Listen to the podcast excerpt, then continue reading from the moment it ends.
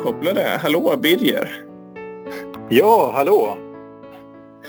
Välkommen! Vad kul att vi fått någon teknik att fungera. Nu är du med på telefonlina. Jajamensan, långt ute på landsbygden. Jag har ju ringt dig för att eh, du är ju kanske något av det mest ikoniska språkröret vi har. I min generation så är det nog väldigt många som likställer dig med Miljöpartiet och Miljöpartiet med dig även efter alla de här åren. Men då undrar jag förstås, hur kom det sig att du ville bli språkrör? Eh, det ville jag absolut inte bli. Eh, men eh, det fanns ingen annan.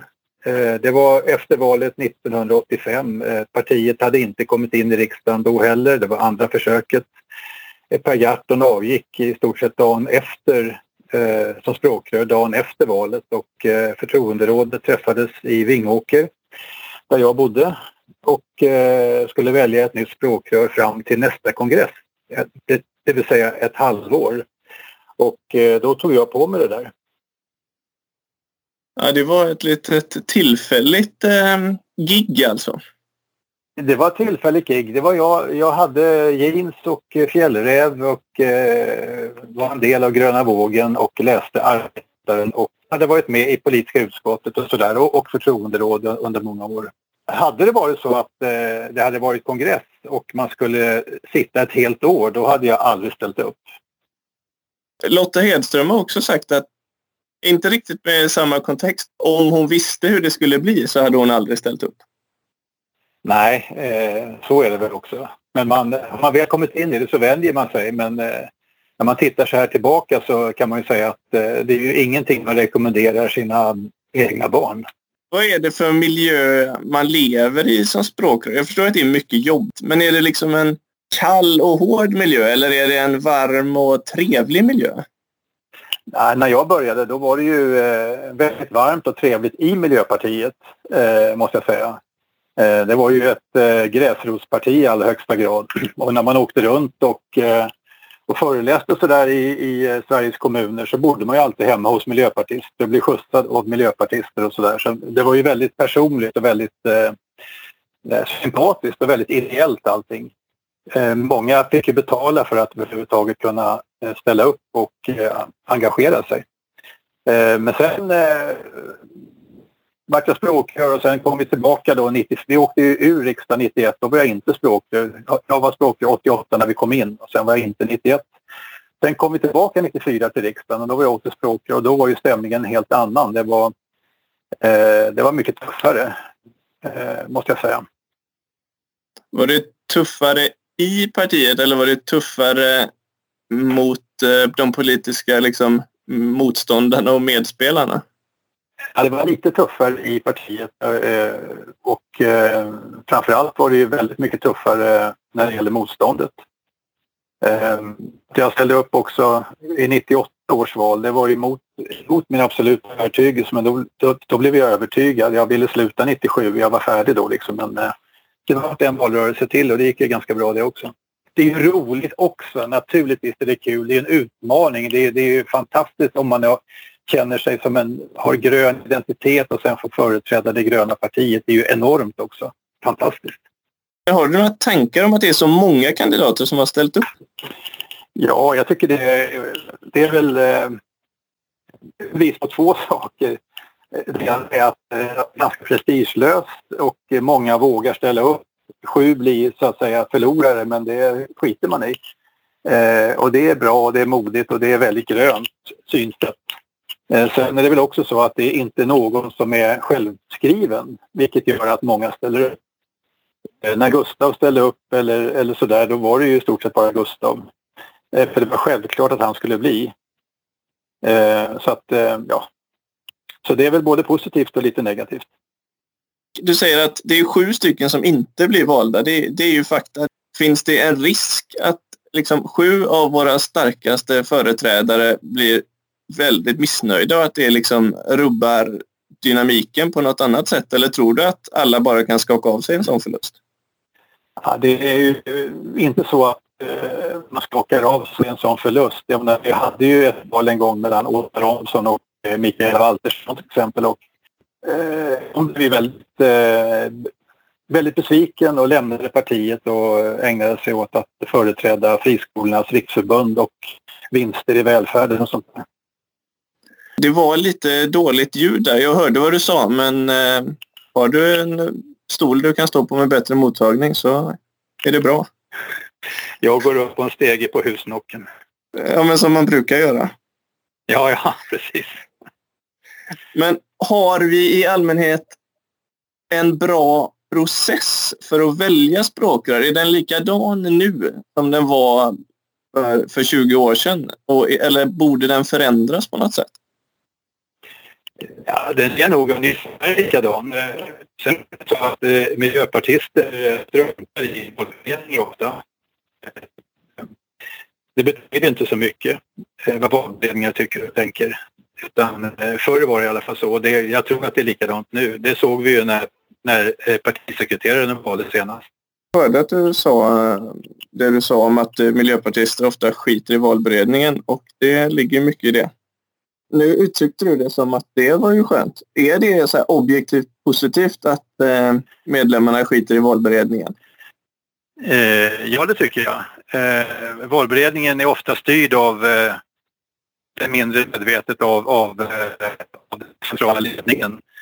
Eh, och eh, jag tycker att det är bra att medlemmar tänker själva. Jag tycker det är en bra devis. Man ska inte lita på någon bara för att det är auktoriteter. Man ska tänka själv. På tal om eh, tänka själv så är ju den här frågan med att sitta i regering eller inte sitta i regering. Redan dagen efter valet så uppfattar jag det nog som att du pekade ut den här regeringskonstellationen som mest trolig. Det var en ganska skarp spaning. Eh, ja, eh, det, men eh, regeringskonstellationen var väl, ja, jag vet inte om det var ganska självklart. Det tog ju ändå ganska många månader att räkna ut det. Ja, men det var väl mycket spel för galleriet också. Va? Man måste ju liksom från de borgerliga visa, eller från Centern och Liberalerna visa lite motstånd. Eh, men sen var det så att, att i och med att Miljöpartiet redan tidigare eh, mot min uppfattning i sig eh, hade sagt att man ville eh, ha med Centern och eh, Liberalerna eh, så lockade ju det också. Det är ju det är tydligt att regeringsmedverkan inte uppskattas av vare sig väljare eller aktivister? Ja, men det beror på hur man agerar i en regering. Jag menar, det är klart att eh, om man är språkrör och sitter i en regering och eh, framförallt om den regeringen leds och domineras av Socialdemokraterna då eh, är det ett väldigt tryck på språkrören att de ska företräda regeringen det vill säga mest eh, socialdemokratisk politik och numera även liberal och centerpartistisk. Eh, men så behöver det ju inte vara. Jag menar, I andra länder så är det ju fullt acceptabelt. Man är regeringsfähig även om man talar om vad man själv står för. Även om man sitter i en, i en koalitionsregering. Och eh, när språkrören i första, andra och tredje hand företräder regeringen så har det ju blivit så att flera generationer och en massa eh, människor som har invandrat till Sverige har aldrig i princip hört ett miljöpartistiskt språkrör tala om vad Miljöpartiet egentligen står för. Eh, och det är ju väldigt skrämmande eftersom Miljöpartiet är ändå det mest systemkritiska partiet. Eh, och då måste man ju stå för det här. Man måste ju alltså driva opinion helt enkelt för vad man egentligen vill och tycker och tänker. Du vänder dig inte mot regeringsmedverkan, du vänder dig mot hur språkrören agerar i regeringen? Ja, i första hand är det det när det nu blev som det blev. Däremot tycker jag att man, man ska vara väldigt försiktig när man går in i en regering. För det första ska man inte tala om innan att målet är att sitta i en regering. Det gjorde ju att eh, Löfven ansåg att hans stora kompromiss det var att släppa in Miljöpartiet. Det tycker jag är väldigt illa. Eh, man måste, och sen måste man nog vara lite större om det ska gå bra. Eh, den här regeringsfrågan har ju varit uppe många gånger tidigare. Redan eh, 98 var den ju uppe. Men då sa ju, hade Miljöpartiets partistyrelse tagit ställning att eh, minst 8 eller 10 procent måste man ha om vi ska gå in i en regering. Samtidigt så är jag som läser och lyssnar en del på den konservativa högerns eh, nyheter och eh, diskussionsgrupper och sånt. Där finns ju en bred övertygelse om att det är Miljöpartiet som bestämmer precis allt. Inte bara i Sverige utan troligen i EU också. Ja, hela kosmos förmodligen när man hör på dem. Allting som inte är supernyliberalt skrämmande och då försöker man väl skrämma med att det också är Miljöpartiet som styr. Och det här med minister då? Ja. Det finns ju många diskussioner fram och tillbaka om huruvida ett språkrör bör vara minister eller inte. Eh, vad, vad, vad, tror du? Ja, alltså, är det så att eh, Miljöpartiet hade hållit en kultur som innebär att språkrören, om de är ministrar, de är verkligen också språkrör för Miljöpartiet och inte bara för regeringen, då hade det väl funkat.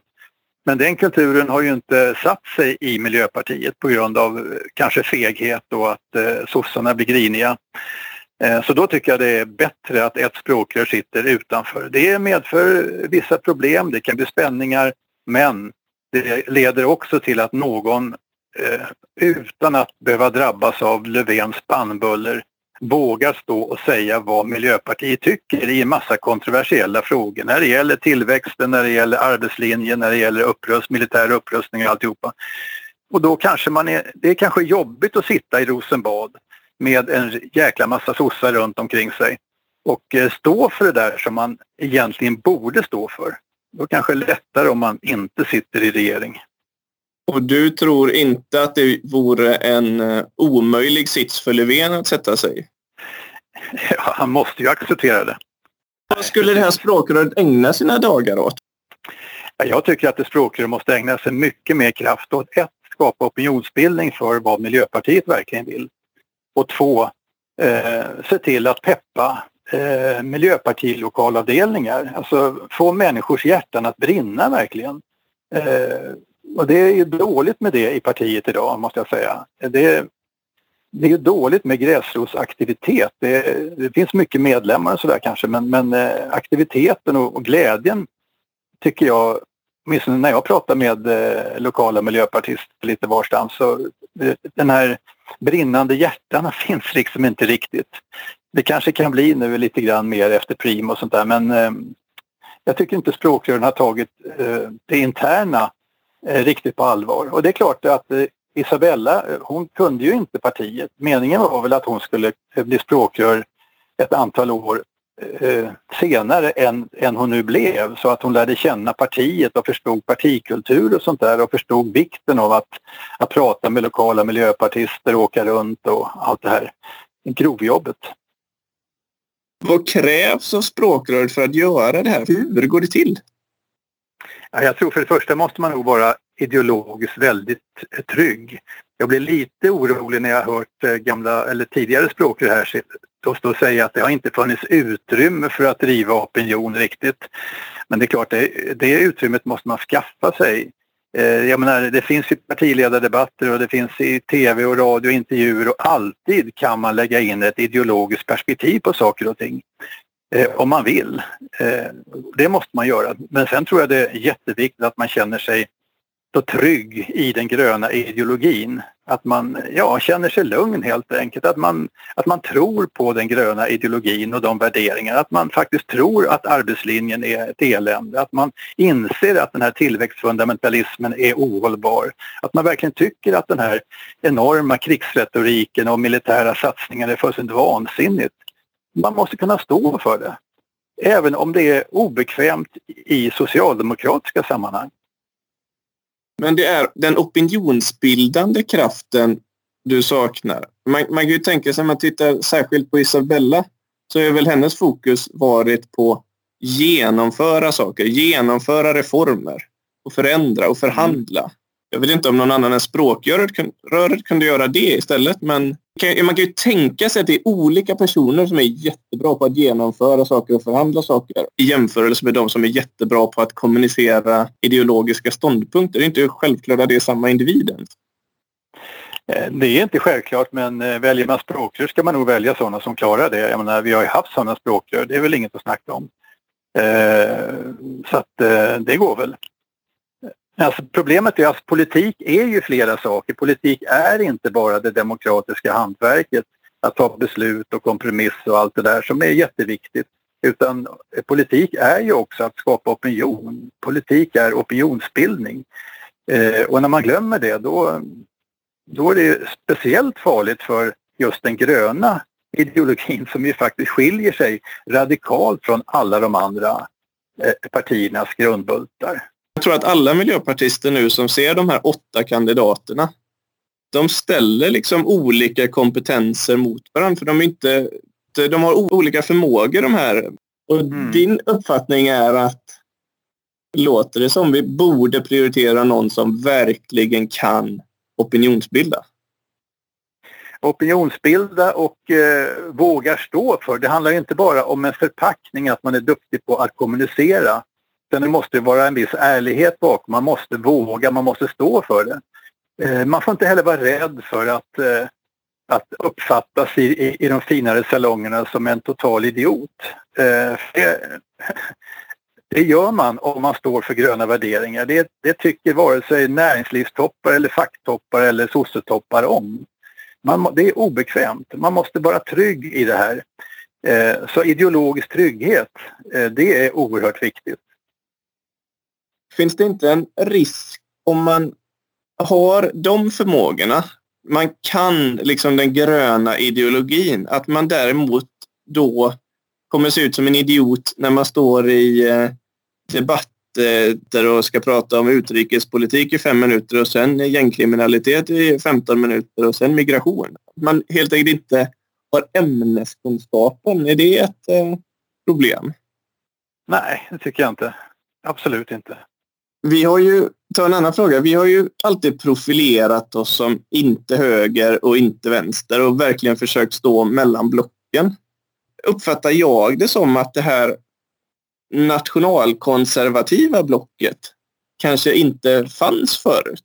Är det lika självklart att båda blocken är lika goda kålsupare idag? Nej, eh, det är det ju inte och det har väl nog alltid varit så att eh, ända från partiet startade så har, eh, tror jag i val, alla valrörelser har, har vi eh, konstaterat att eh, vi har förmodligen mycket lättare att göra upp med eh, Socialdemokraterna och Vänsterpartiet än eh, med de borgerliga. Eh, så har det nog alltid eh, faktiskt slutat i varje valrörelse.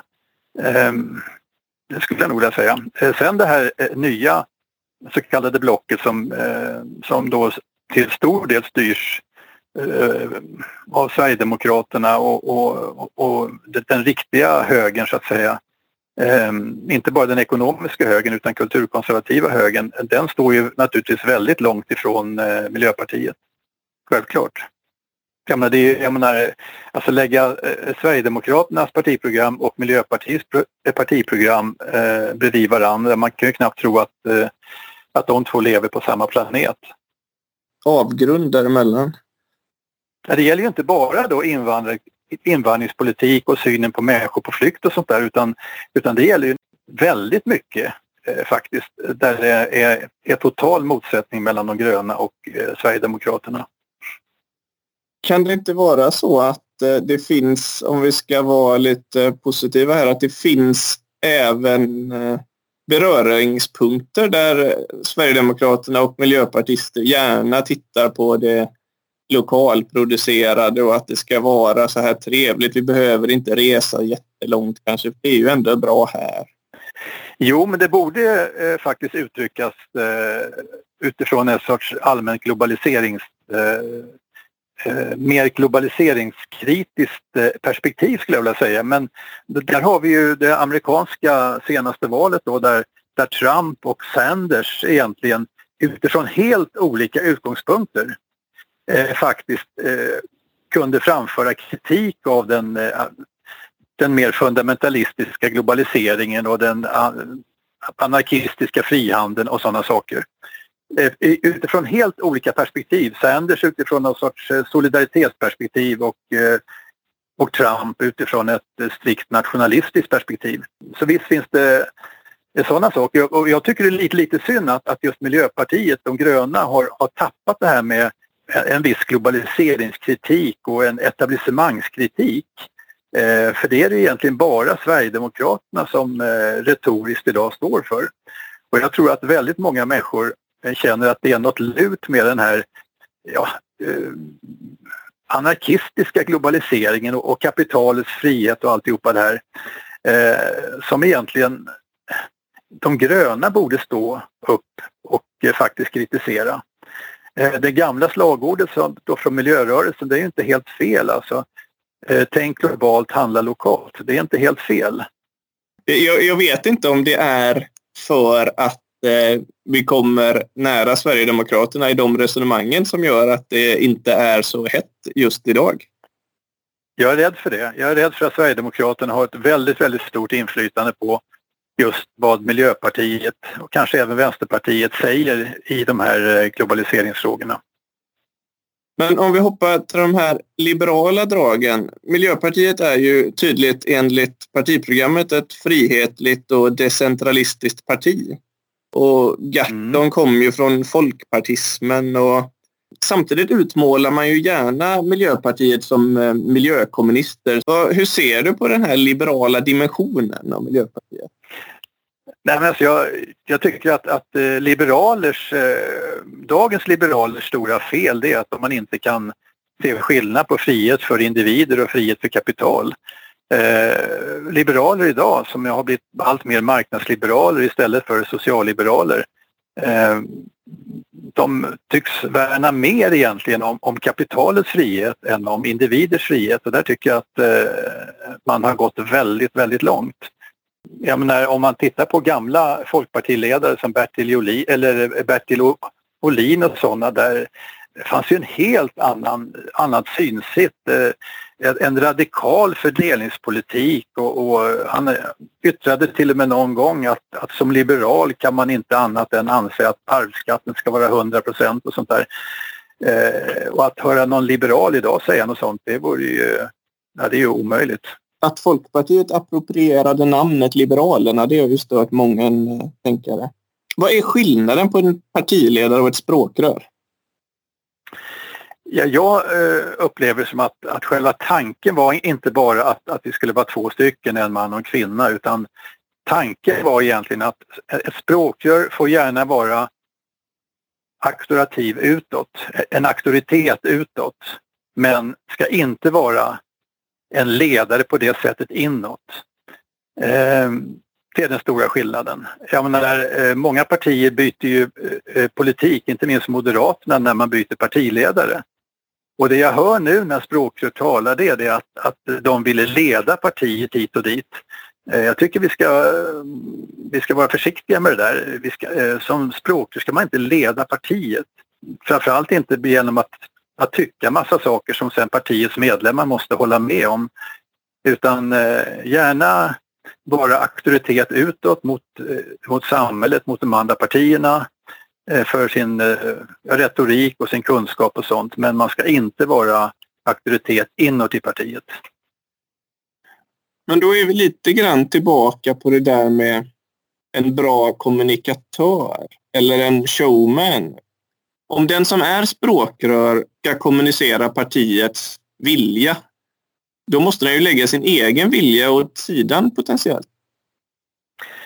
Ja, det gäller ju att, att det, det är därför jag har liksom pratat om att det gäller att vara ideologiskt eh, väldigt trygg så att man vet vad partiet står för. Vad man, att man känner liksom att det här är grön politik. Och när man tittar på eh, kongressbeslut och så, så uppfattar jag att, att kongresserna har ja, nästan alltid eh, tagit beslut som jag tycker är helt rimliga. Ofta då mot, eh, ibland då mot partistyrelse och sånt. Så det finns någon sorts kärna som man helt enkelt känner och, och vet att det här är rätt. Det här är grönt. Eh, och eh, sen, eh, det hände ju också för mig som språkrör då att, att i några enskilda sakfrågor, jag kommer inte ihåg någon nu, men eh, så fick jag naturligtvis eh, eh, stå för något som jag inte själv tyckte var hundraprocentigt rätt. Men, men ideologiskt och sådär, det var ju aldrig några problem. Drog du några stora lärdomar? Vad lärde du dig under tiden som språkrör? Ja, jag lärde mig att eh, det finns en förskräcklig massa fantastiska miljöpartister som är, jobbar ideellt och som verkligen tror på saker och som till och med eh, ja, som vågar stå upp när det blåser. När, eh, det är det första. Och det andra det är ju att, att politik kan vara eh, väldigt rutten.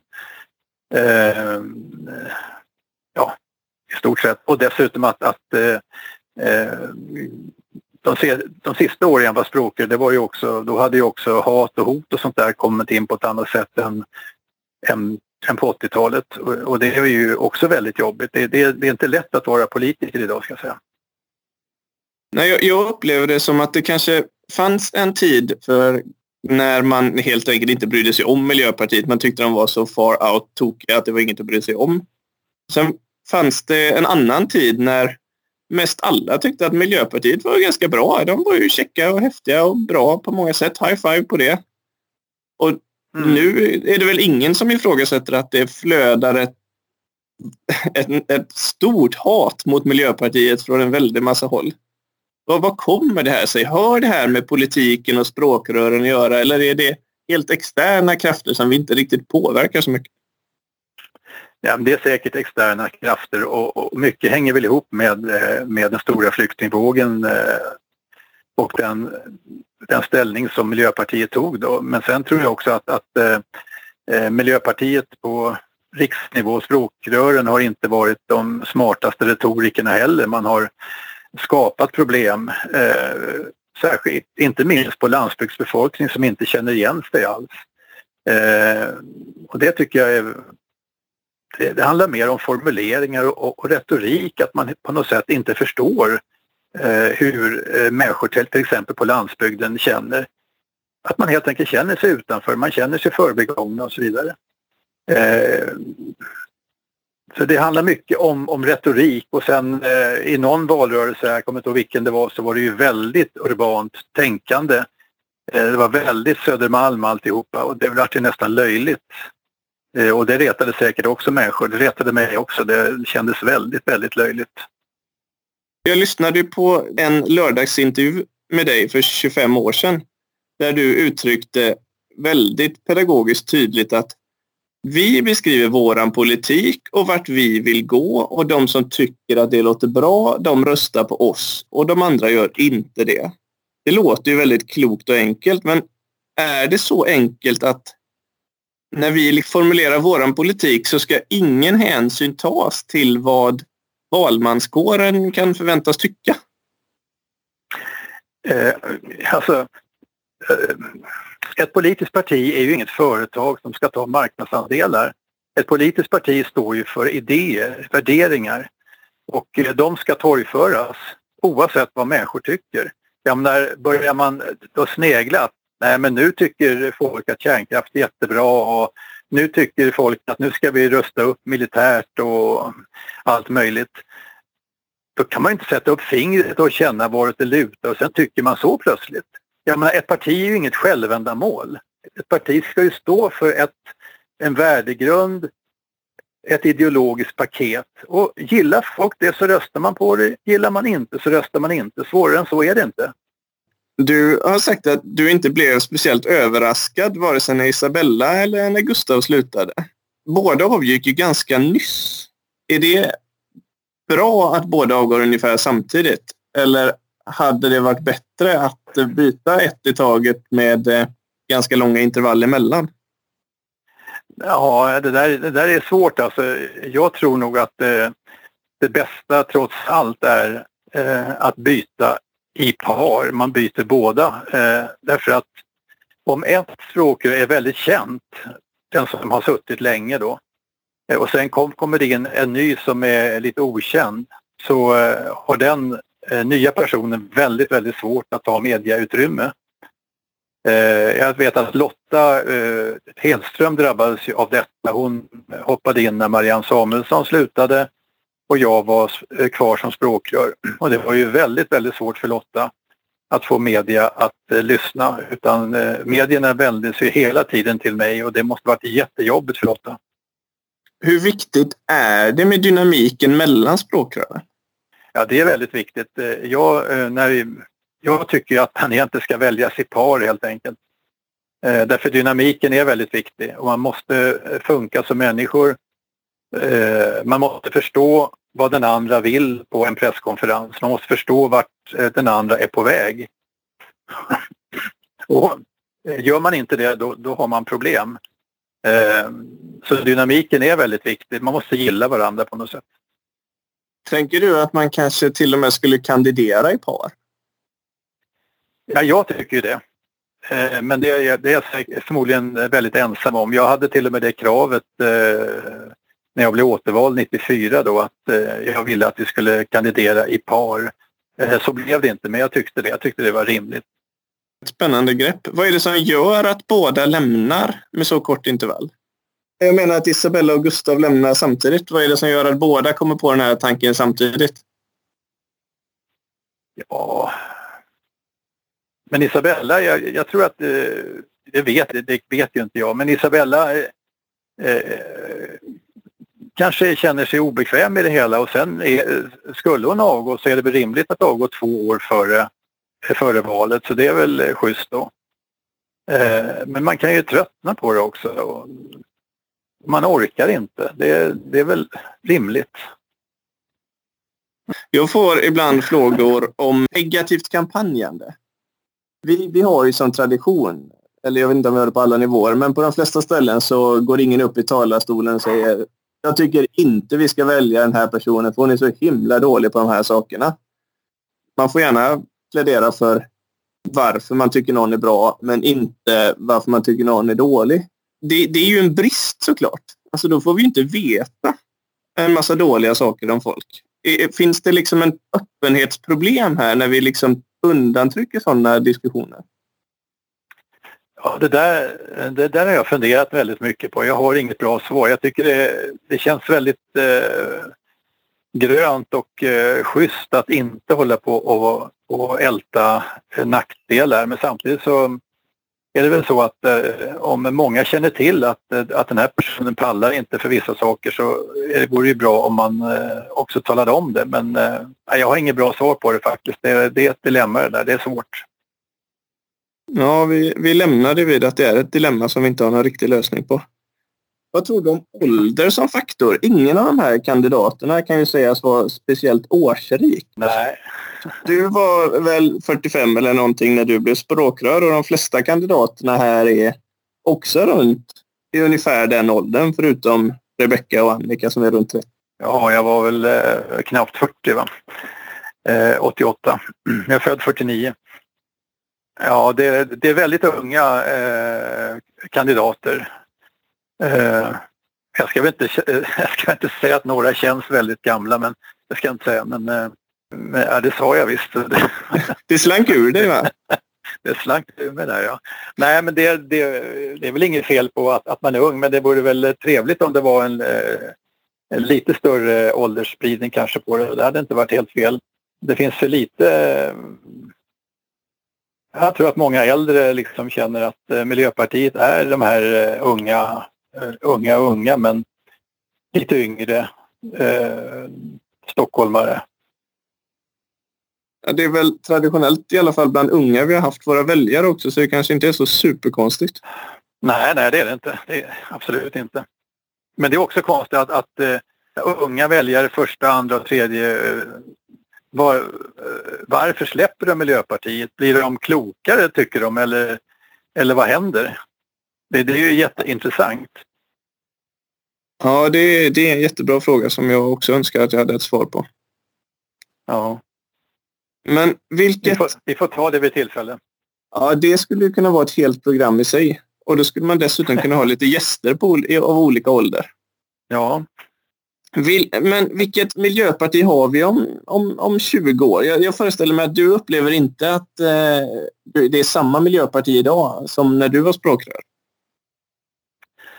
Nej, det är det ju inte. Det är ju mycket mer anpassat och, och lite slätstruket sådär. Det är väl inte någon som...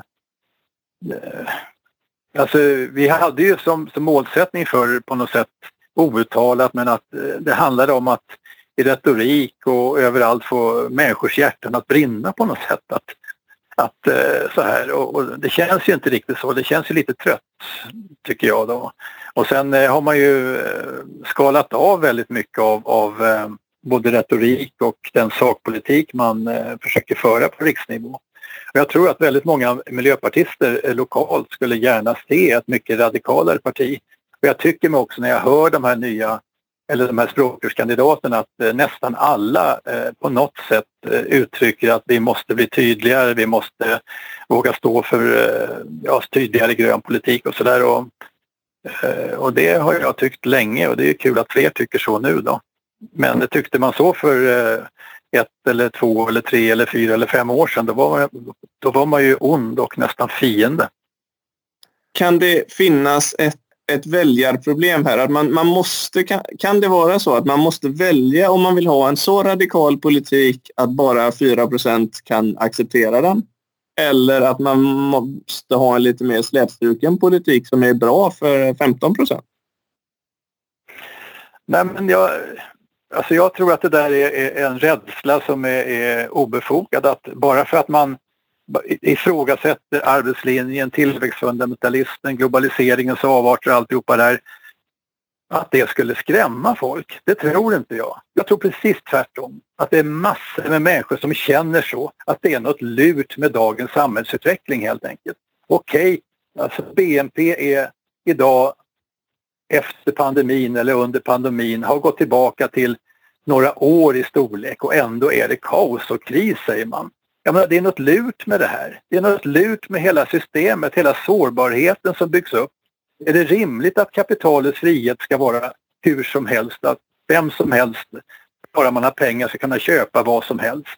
Jag menar, eh, vad är medborgarperspektivet någonstans? Vi har ju bara ett marknadsperspektiv idag.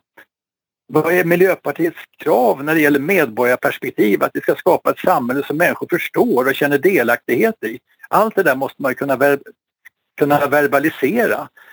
Eh, och jag tycker Miljöpartiet skulle göra det och jag är övertygad om att det skulle vara vinnande koncept. Att Miljöpartiet skulle växa som ett alternativ, inte finnas med i den här tråkiga, trista trianguleringen där alla alltså, grötar runt inom samma eh, åsiktsburka. Kan det vara så att om vi hade varit där för eh, 10-12 år sedan så hade vi fångat upp den känslan som människor har. Det är väl till stor del kanske den som har fångats upp av Sverigedemokraterna. Den kanske Exakt. lika gärna kunnat fångats upp av Miljöpartiet. Absolut. Alltså bortsett från deras eh, nationalistiska, eh, den här eh, och flyktingfientlighet och invandrarfientlighet och sådär. Visst hade det kunnat eh, fångas upp om man inte hade blivit en del eller uppfattas som en del av etablissemanget. Eh, utan faktiskt hade varit det här ett stråk av antipartiparti som var meningen. Eh, det fanns ju en, en när de tyska gröna då startade det första gröna partiet eh, så var det en, en, eh, en av de stora ideologerna hette Petra Kelly. Hon pratade om att gröna partier måste på något sätt vara antipartipartier. Vi måste skilja oss åt. Det måste kännas att nu går en miljöpartist upp i talarstolen där är en miljöpartistisk politiker. Det ska kännas. Eh, och så är det inte längre.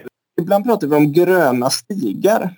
Jag tycker själv att det är väldigt eh, roligt att hitta gröna stigar som liksom skulle kunna få acceptans av både höger och vänster när det kommer till olika frågor. Fram förslag som liksom skulle kunna genomföras och göra saker lite bättre som ligger mitt emellan men som ger någonting till båda sidor. Men det blir väldigt svårt att vara radikal systemkritiker samtidigt. Ja, jag vet inte. Jag menar, eh, ta en, ta en tanke om att, att eh, en vision om man så vill eller sakpolitiska krav på att eh, vi ska införa ett rejält höjt grundavdrag så att de första 100-120 000 kronorna blir helt skattefria. Ja, är det vänster? Eller är, är det höger? Jag menar vänstern, det är väl bra att fördelningspolitiken blir bättre och högern gillar ju inte skatt på arbete. Eh, det borde vi kunna ena många. Är det inte så? Ja, jag håller med. Det tycker jag är en ypperligt bra reform. Men den är väl, eh, min uppfattning är att det är Centerpartiet som håller emot för de vill inte att det ska vara ett allmänt grundavdrag. De vill att grund, eller avdragen ska gå till de som arbetar. Det... Jo, jo, visst precis. Och det där är ju, det, förutom att det blir ett väldigt byråkratiskt, administrativt och, och väldigt mycket kontroller och alltihopa så eh, vill ju varje parti ha, ha avdrag för sina speciella väljare och sånt där och det blir ju bara grötigt alltihopa. Ja, nej, det skulle mycket väl kunna vara en sån flaggfråga att driva för eh, ett grönt parti. Hur kommer det sig att för, för hundra år sedan, eller under nästan hundra år höll jag på att säga, så, så kunde Socialdemokraterna styra och regera och få väldigt många väljare. Och de var ju väldigt systemkritiska när de började. Och det klingade liksom aldrig av utan det gick i generation efter generation så fortsatte de att få väldigt många väljare. Hur kom det sig? Ja, jag tror att de eh, förde ju en politik som eh, gynnade den stora mängden människor på många sätt. Eh, från början var det eh, den fattigare delen av arbetarklassen och när arbetarklassen blev mer av medelklass så låg man där också. Eh, och det var ju, ja, men om, om man lyssnar på, eh, var det Branting eller Per Albin Hansson som, eh, som sa det att Socialdemokraterna ska ligga där de många människorna är. Eh, eh, och på så sätt lyckades man väl hålla eh, makten så länge. Dessutom var de borgerliga partierna ganska oense ska man säga också. Ja, det påverkar ju förstås också. Det är ett stort fokus för Miljöpartiet på de ekologiska systemen och vi vill företräda skogen och vi vill företräda vattnet och djuren och sådär. De har ju väldigt dålig rösträtt. Det är ju inte självklart att det gynnar mig som väljare. Nej, eh, exakt och, och det, det, tycker jag eh, liksom att, att det var väldigt bra. De, de första åren när, när, vi startade det här partiet så hade vi någon eh, allmän sån där one-liner. Vi lovar inte eh, guld med gröna vi lovar inte guld med gröna skogar och ett, och ett människovänligt samhälle. Eh, jag tycker det är ganska bra. Eh, men jag tror också att det är viktigt när man pratar om, om, eh, om skogar och vatten och, och, klimat och allt det här som är, är grundläggande för oss då, så måste man också eh, förstå att man måste driva en rättfärdig eh, fördelningspolitik. Eh, så att människor inte är rädda för det här. Så att inte människor känner att ja, ja, de rika de har råd att betala alla miljöskatter och sen leva som vanligt medan eh, det är vi andra som ska eh, eh, liksom stå för miljöengagemanget här och eh, leva miljövänligt för att vi inte har råd med något annat. En rättvis fördelning är nödvändigt för att få acceptans för en god miljöpolitik. Under många år så, höll, eh, så hade Miljöpartiet en, en, eh, en striktare eller hårdare fördelningspolitik än Vänsterpartiet hade. När var det? Vad var det? Ja, det var bland annat eh, synen på eh, socialförsäkringssystemen där eh, eh, upp till eh, låt oss säga 100, 120, 130, 140 000 kronor på den tiden så skulle man få 90 procent och, och därutöver mycket mindre. Man ska alltså skydda låginkomsttagare mer än man skyddade höginkomsttagare. Eh, det här grundavdraget eh, som vi ville ha det gynnade helt klart låginkomsttagare betydligt mer än höginkomsttagare. Eh, så det var, det var väldigt radikalt alltså. Då finns det, menar du, visst fog för att eh, hävda att MP är ett vänsterlutande parti? Alltså idag när hela den politiska eh, debatten och hela, hela politiken har ju flyttat väldigt, väldigt långt till höger. Jag menar, det fanns ju inte en moderat för 10-15 år sedan som eh, skulle stå upp och säga att man ska ta ut vinster från skolor. Det var ju en orimlig tanke. Eh, så väldigt mycket har hänt. Så visst, eh, visst står Miljöpartiet när det gäller ekonomisk politik framför allt eh, till vänster. Men när det gäller frihetlighet så skulle jag nog vilja hävda att, att vi står mer till höger fast vi gillar inte vinster. Att vinster ska tas ut men människor måste få välja sina liv. Eh, och det har ju vänstern eh, traditionellt haft väldigt svårt för. Jag vet eh, hur Vänsterpartiet då var rasande när vi eh, gröna började prata om föräldrakooperativa daghem och sånt där. Utan det skulle ju vara statligt och kommunalt allting. Ja, jag reagerar fortfarande ofta negativt på utspel och uttalanden och framträdanden från Vänsterpartiet. För det är en väldigt, eh, det är en väldigt kollektivistisk samhällssyn och jag tycker kanske att vi eh, trots våra solidariteter och önskan om fördelning har en avgjort annan politik. Jo, men visst, vi, vi ser ju individer och individers rätt att växa åt olika håll. Ett stort frihetsrum för individer, det, det är ju väldigt grönt. Men däremot inte lika stort frihetsrum för kapital. Men alltså vänstern har ju inte heller riktigt förstått det. De har ju traditionellt eh, eh velat låsa in både kapital och individer. Jag upplever det som att många som pratar om Miljöpartiet på den tiden när du var språkrör. Att det var, du uttryckte det som att det var mycket hjärta. Alltså det var mycket levande och engagerade diskussioner och så här. Eh, mycket engagemang. Men verkligheten är ju i alla fall idag och jag antar att den var det minst lika mycket då. Att även medlemmar har ju begränsat med tid att investera i sin sitt partiengagemang. Jo, men så var det naturligtvis. Eh, men det är därför det gäller att, att eh, som språkrör och företrädare för riksorganisationen verkligen se till att få hjärtan att brinna så att, att medlemmar och eh, lokalavdelningsmänniskor verkligen prioriterar lite mer eh, av Miljöpartiet istället för annat. Eh, men då måste man ju få hjärtan att, att verkligen brinna och känna att vi är stolta för det här, vi står för det här, vi tycker det är kul, vi skäms aldrig när språkrör står i TV. Eh, vi skäms inte då, tvärtom. Vi går till jobbet och är jävligt glada för det och, och står för det och vi talar vid köksbordet om det här sa språkrören och vi är stolta för det. Jag vet inte om det alltid är så idag. Jag upplever det som att väldigt många, även politiskt engagerade, de tycker att debatterna i tv, de är så jäkla tråkiga så jag orkar inte ens titta på dem. Nej, och, och, jag som är alltså en politisk nörd, jag eh, stänger ofta av jag också, särskilt eh, de här agendaspartierna de är fullständigt meningslösa. Då måste det ju vara något fel i formatet. Ja, det är det. Jag tror ett, ett fel eh, just när det gäller partiledardebatter det är att, att, att journalisterna styr alldeles för mycket. Jag tycker att det måste också ges utrymme för de politiska partierna att faktiskt få utrymme att själva starta debatter i, i, i några ämnen. Eh, särskilt för ett grönt parti är det ju livsviktigt för att vi som är gröna, vi skulle vilja starta debatter om, om synen på arbete till exempel eller tillväxtfundamentalism eller vad sjutton som helst som skiljer sig från de andra men vi kommer liksom inte riktigt åt det eh, hur lätt som helst utan då måste man liksom tränga sig in på något sätt för att göra det. Eh, så jag tycker det väldigt mycket styrs av, av eh, journalister och det tycker jag är negativt faktiskt. Det är alltså ett språkrör som behöver leverera energi och engagemang. Kan vi, kan vi tro att eh, ett, ett rätt språkrör kan hjälpa oss att fylla alla de här kommunerna som inte längre har någon lokalavdelning? Bland annat språkröret naturligtvis. Det, det är jag övertygad om. det tror jag.